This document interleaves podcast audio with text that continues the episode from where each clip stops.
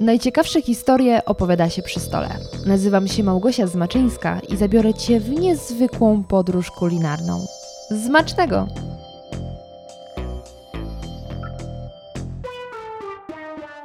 Co powiedzielibyście, gdybym zapytała, co Waszym zdaniem łączy papierosy i jajka z bekonem?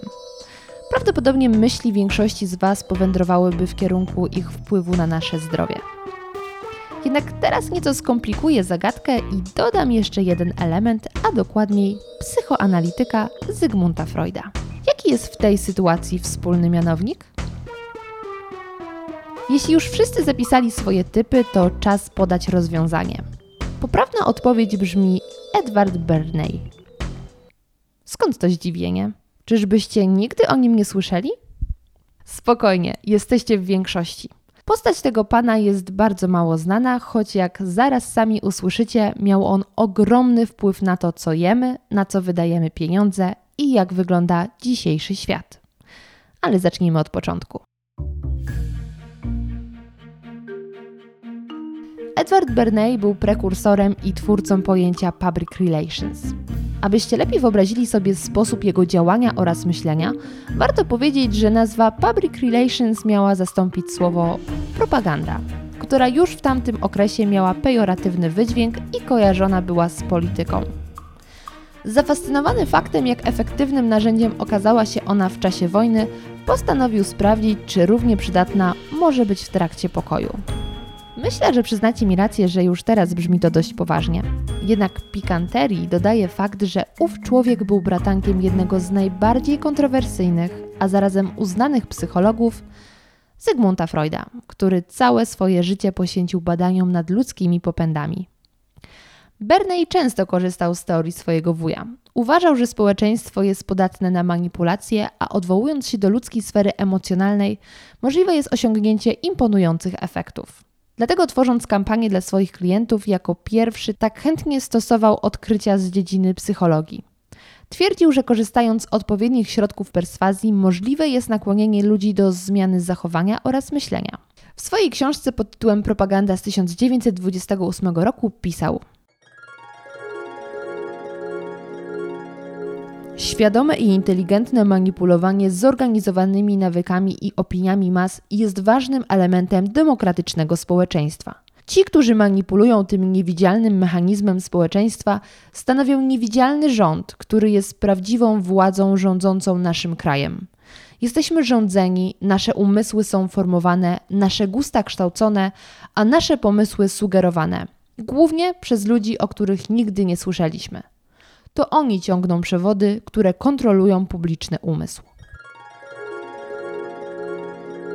Swoją karierę rozpoczynał od pracy agenta prasowego, którego głównym zadaniem było dbanie o wizerunek i promowanie występów różnych artystów, takich jak tenorzy, tancerze czy balet moskiewski podczas ich tournée po USA. Praca ta nie umożliwiała mu jednak pełnego rozwinięcia skrzydeł, dlatego gdy w 1917 roku Stany Zjednoczone zaczęły angażować się w działania wojenne, zgłosił się do Committee on Public Information, którego celem było zachęcenie mężczyzn do ochotniczego zaciągania się do wojska i popierania decyzji kraju. Zastanawiacie się, jak mu poszło?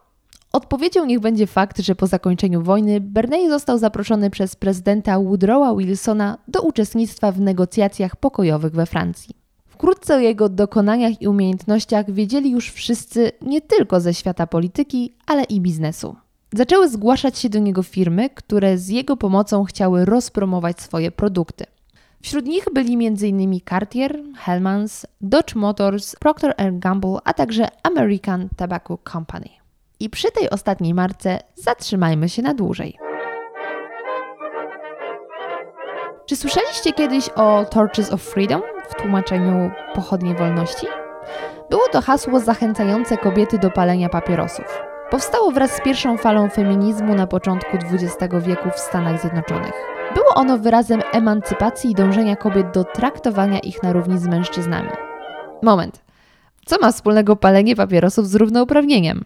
Bardzo dobre pytanie, a odpowiedź, no cóż, jest jeszcze lepsza. Jak możemy przeczytać na Wikipedii?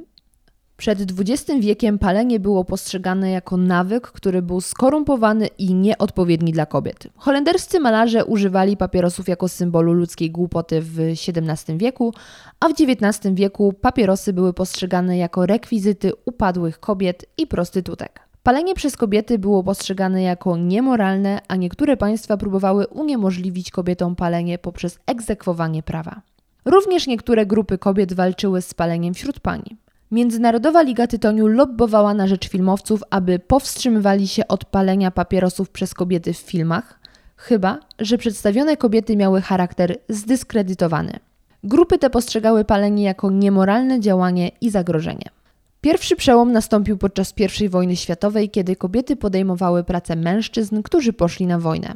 Zaczęły palić, mimo że nadal uważano to za czyn tabu. W ten sposób kwestionowały one normy społeczne i walczyły o równe prawa. Mimo, że palenie papierosów przez kobiety stało się symbolem buntowniczej niezależności, przepychu, uwodzenia i seksualnego uroku zarówno dla feministek, jak i chłopczyc, panie wciąż rzadko sięgały po papierosy, szczególnie w miejscach publicznych. Nie było to w interesie koncernów tytoniowych, które zdawały sobie sprawę z tego, jak dużą grupę potencjalnych konsumentów stanowią kobiety. Dlatego American Tobacco Company zwerbowało w swoje szeregi Edwarda Bernaysa, którego zadaniem było rozpropagowanie palenia wśród pani.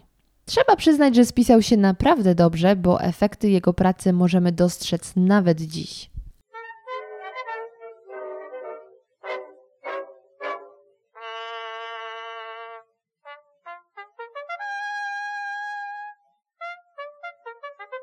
Papieros sposobem na mniejszy apetyt i szczupłą sylwetkę?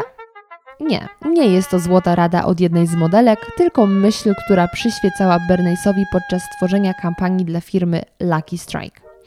Reach for a lucky instead of a sweet. Sięgnij po lucky zamiast po cukierka. Musicie przyznać, że niewiele jest tematów, które tak mocno przemawiają do wyobraźni kobiet, co właśnie wizja szczupłej sylwetki. I choć z punktu widzenia naszych czasów powyższa kampania zostałaby od razu zbojkotowana ze względu na złamanie licznych zasad kodeksu reklamy, wówczas najwięcej zastrzeżeń mieli nie, nie lekarze. Przedstawiciele koncernów produkujących słodycze. I choć kampania okazała się sukcesem, to prawdziwy przełom miał dopiero nastąpić. Remember how great cigarettes used to taste. Lucky If your smoking pleasure has been somehow misplaced, it's Lucky's for Yes, you get back to smoking when you smoke Lucky Strike. Because you get back to fine tobacco. Lucky Strike tobacco. With a taste that's unforgettable and quality that never quits. Pomimo głośnej i zorganizowanej na dużą skalę kampanii promującej papierosy jako świetnej alternatywy dla słodyczy pomiędzy posiłkami, temat palenia wśród pań wciąż należał do tabu. W związku z tym Edward Bernay zwrócił się do niezwykle uznanego psychoanalityka Abrahama Brilla, aby dowiedzieć się, jakie znaczenie dla kobiet mają papierosy. Stwierdził on, że papierosy są symbolem penisa, siły i dominacji mężczyzn. Dlatego, żeby zachęcić kobiety do palenia, Bernay musi sprawić, że papieros będzie oznaką przeciwstawiania się męskiej władzy, bo dzięki temu otrzymają one własnego penisa. Na efekty nie trzeba było długo czekać. Podczas organizowanej corocznie wielkanocnej parady na Fifth Avenue w Nowym Jorku, Edward Bernay postanowił zatrudnić sufrażystki, które w zaplanowanym momencie zapalą papierosa. Bardzo ostrożnie wybierał kobiety do marszu, ponieważ powinny one wyglądać dobrze, ale nie powinny wyglądać zbyt modelowo. W tym celu zwrócił się do znajomego w Wogu z listą 30 debiutantek. 10 z nich zgodziło się na udział w przedsięwzięciu. Bernay zatrudnił również własnych fotografów, aby upewnić się, że zostały zrobione dobre zdjęcia. W umówionym momencie kobiety wyciągnęły papierosy i zapaliły je na oczach tysięcy zgromadzonych osób, jednocześnie wykrzykując hasło Torches of Freedom. Feministka Ruth Hale wezwała również kobiety do przyłączenia się do marszu, mówiąc: Kobiety, zapalcie kolejną pochodnię wolności, walczcie z seksualnym tabu. Był to szok, ponieważ do tego czasu kobiety mogły palić tylko w niektórych miejscach, na przykład w zaciszu własnego domu. Następnego dnia informacja o akcji obiegła nie tylko cały Nowy Jork i Stany Zjednoczone, ale trafiła również do europejskiej prasy. O pochodniach wolności mówiło się wszędzie, a spacer kobiet był postrzegany jako protest na rzecz równości i wywołał dyskusję w całym kraju.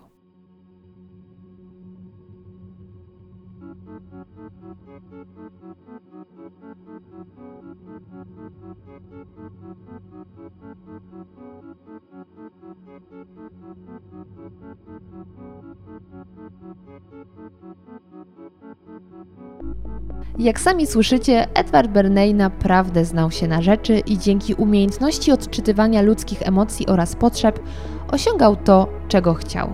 Najlepszym dowodem na to, jak skuteczne były jego metody, może być fakt, że wydana przez niego książka znalazła się na półce Josefa Goebbelsa. Podczas pełnienia funkcji ministra propagandy w III Rzeszy intensywnie korzystał z narzędzi Bernaysa, który z pochodzenia był Żydem. Hat sich am heutigen Tage die ganze deutsche Nation zur Arbeit, zu ihrem Wert, zu ihrem sittlichen Ethos und zu ihrer nationalen Verbundenheit bekannt. Sam zainteresowany o tym, że naziści korzystają z jego metod, dowiedział się w 1933 roku ze sprawą jednego z zagranicznych korespondentów. W późniejszych latach skomentował to słowami: Korzystali z moich książek w celu prowadzenia destrukcyjnych kampanii wobec niemieckich Żydów. Zszokowało mnie to. Jednak wiedziałem, że jakakolwiek ludzka działalność może być wykorzystana zarówno do celów służących społeczeństwu, jak i przeciwko niemu. Edward Bernay przez 103 lata swojego życia przeprowadził setki kampanii i wypromował niezliczoną liczbę produktów oraz idei. Jedną z nich były obfite i sycące amerykańskie śniadania. Tak, czas wreszcie rozwikłać ostatni element naszej układanki. Prawdopodobnie ostatnią rzeczą, która przyszłaby Wam do głowy, gdybym zapytała o typowe amerykańskie śniadanie, byłaby bułka lub owsianka popita kawą albo sokiem. Oglądając filmy lub przeglądając menu w amerykańskim barze, prędzej znajdziemy jajka serwowane na 10 sposobów, koniecznie w towarzystwie skwierczącego bekonu. Jak więc wygląda tradycyjne amerykańskie śniadanie?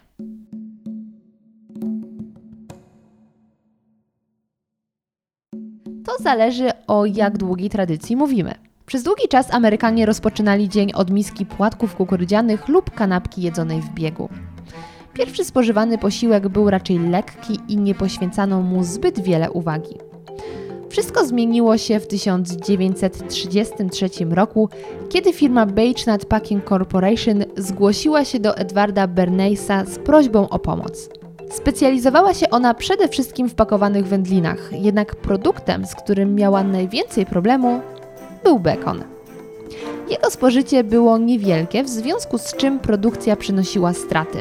Zastanawiali się więc, co zrobić, żeby Amerykanie częściej sięgali po bekon. Odpowiedź brzmi wykazać płynące z jego spożycia korzyści. W tym celu Bernay zwrócił się do znajomego lekarza z zapytaniem, czy spożywanie cięższego śniadania zamiast lekkiego może być dla organizmu korzystniejsze ze względu na utraconą przez noc energię. Gdy lekarz zgodził się z postawioną tezą, Bernays zapytał go, czy mógłby nieodpłatnie skontaktować się z pięcioma tysiącami innych medyków, aby uzyskać ich potwierdzenie. Lekarz się zgodził i na wysłane listy odpowiedziało około 4,5 tysiąca specjalistów. Niemalże wszyscy udzielili pozytywnej odpowiedzi. Bernays skontaktował się więc z Medical Review of Reviews, aby opublikować badanie. W sierpniu oraz we wrześniu gazety w całym kraju donosiło o najnowszym odkryciu naukowców. Newspapers throughout the country had headlines saying 4500 physicians urge heavy breakfast in order to improve health of American people. Many of them stated that bacon and eggs should be embodied with the breakfast and as a result, the sale of bacon went up, and I still have a letter from Bartlett Arkell president of Beach Packing Company telling me so. I tak na przykład w Chicago Tribune można było przeczytać następujący artykuł. Pracownicy umysłowi i osoby prowadzące siedzący tryb życia powinny spożywać obfite śniadanie, ale lekki lunch. Śniadanie powinno składać się z owoców, płatków owsianych, bekonu, jajek, tostów lub jak u nas na południu, gorących ciastek. Z kolei w The Los Angeles Times w artykule pod tytułem Wprowadź duże śniadanie mogliśmy przeczytać następujące słowa. Byliśmy w niebezpieczeństwie stoczenia się na wybredną francuską bułkę i czekoladę. Dziewiczej, w nawiasie uwaga, angielskiej herbaty i marmolady, kromki owoców i połknięcia wermutu Morza Śródziemnego. Nie tak śniadaniowi ludzie, którzy wyrwali nową cywilizację ze skał kontynentu zachodniego. Szynka, jajka, bekon, mąka kukurydziana, ciastka gryczane, syrop klonowy, kulki z dorsza, kawa w wielkich kubkach, gorące herbatniki, masło bez limitu, haszysz, smażone ziemniaki, szarlotka, ser śmietankowy, miseczki ciepłego, pienistego mleka. Na mocy takich śniadań młoda republika stała się światowym zwierzchnictwem. A potem nadszedł okres, kiedy dobre, stare amerykańskie śniadanie doznało tymczasowego zaćmienia. To była moda na rozpoczęcie dnia z kęsem zamiast z prawdziwym jedzeniem. Mniej więcej w tym czasie Woodrow Wilson został wybrany na prezydenta. I choć trudno w to uwierzyć, tyle wystarczyło, żeby Amerykanie rozkochali się w ciężkich śniadaniach i zamienili płatki z mlekiem na tłusty bekon i jajka. Just give me all the bacon and eggs you have. Wait, wait. I worry what you just heard was give me a lot of bacon and eggs. What I said was give me all the bacon and eggs you have. Do you understand? Kampania okazała się ogromnym sukcesem i swoim zasięgiem objęła znacznie więcej firm niż tylko Beige Nut Packing Corporation, które co ciekawe obecnie skupia się przede wszystkim na produkcji słoiczków dla dzieci. I co jeszcze ciekawsze, na ich stronie w zakładce Historia marki nie znajdziemy ani słowa o bekonie. Ten okres działalności został zawarty jedynie w jednym zdaniu. Beichnut zostało założone około 1891 roku, a od 1931 produkuje posiłki dla dzieci.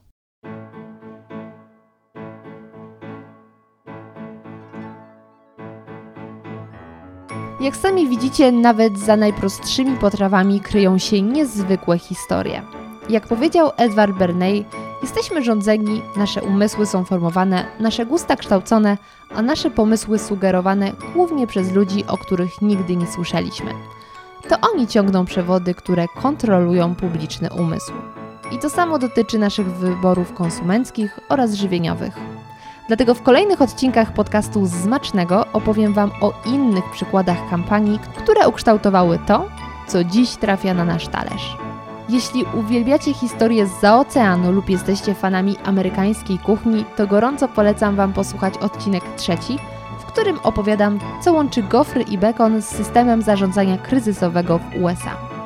Wszystkie wykorzystane w tym odcinku źródła znajdziecie na stronie zmacznego.com. Jeżeli podobał Ci się ten podcast, to podrzuć go swojemu przyjacielowi. Niech on również odkryje wspaniały świat podcastów i razem z nami wybierze się w niezwykłą podróż kulinarną. Pamiętaj, że znajdziesz mnie na Instagramie zmaczne.go oraz na Facebooku podcast radioaktywny ukośnik zmacznego, gdzie dzielę się dodatkowymi, ciekawymi materiałami. Możesz również zajrzeć na stronę patronite.pl ukośnik zmacznego, za pośrednictwem której możliwe jest wsparcie podcastu, a także dołączenie do grona wspaniałej społeczności patronów. Tutaj słyszymy się już niebawem, a tymczasem zapraszam Cię do mojej drugiej audycji podcastu radioaktywnego, gdzie prowadzę luźne rozmowy na nietypowe tematy.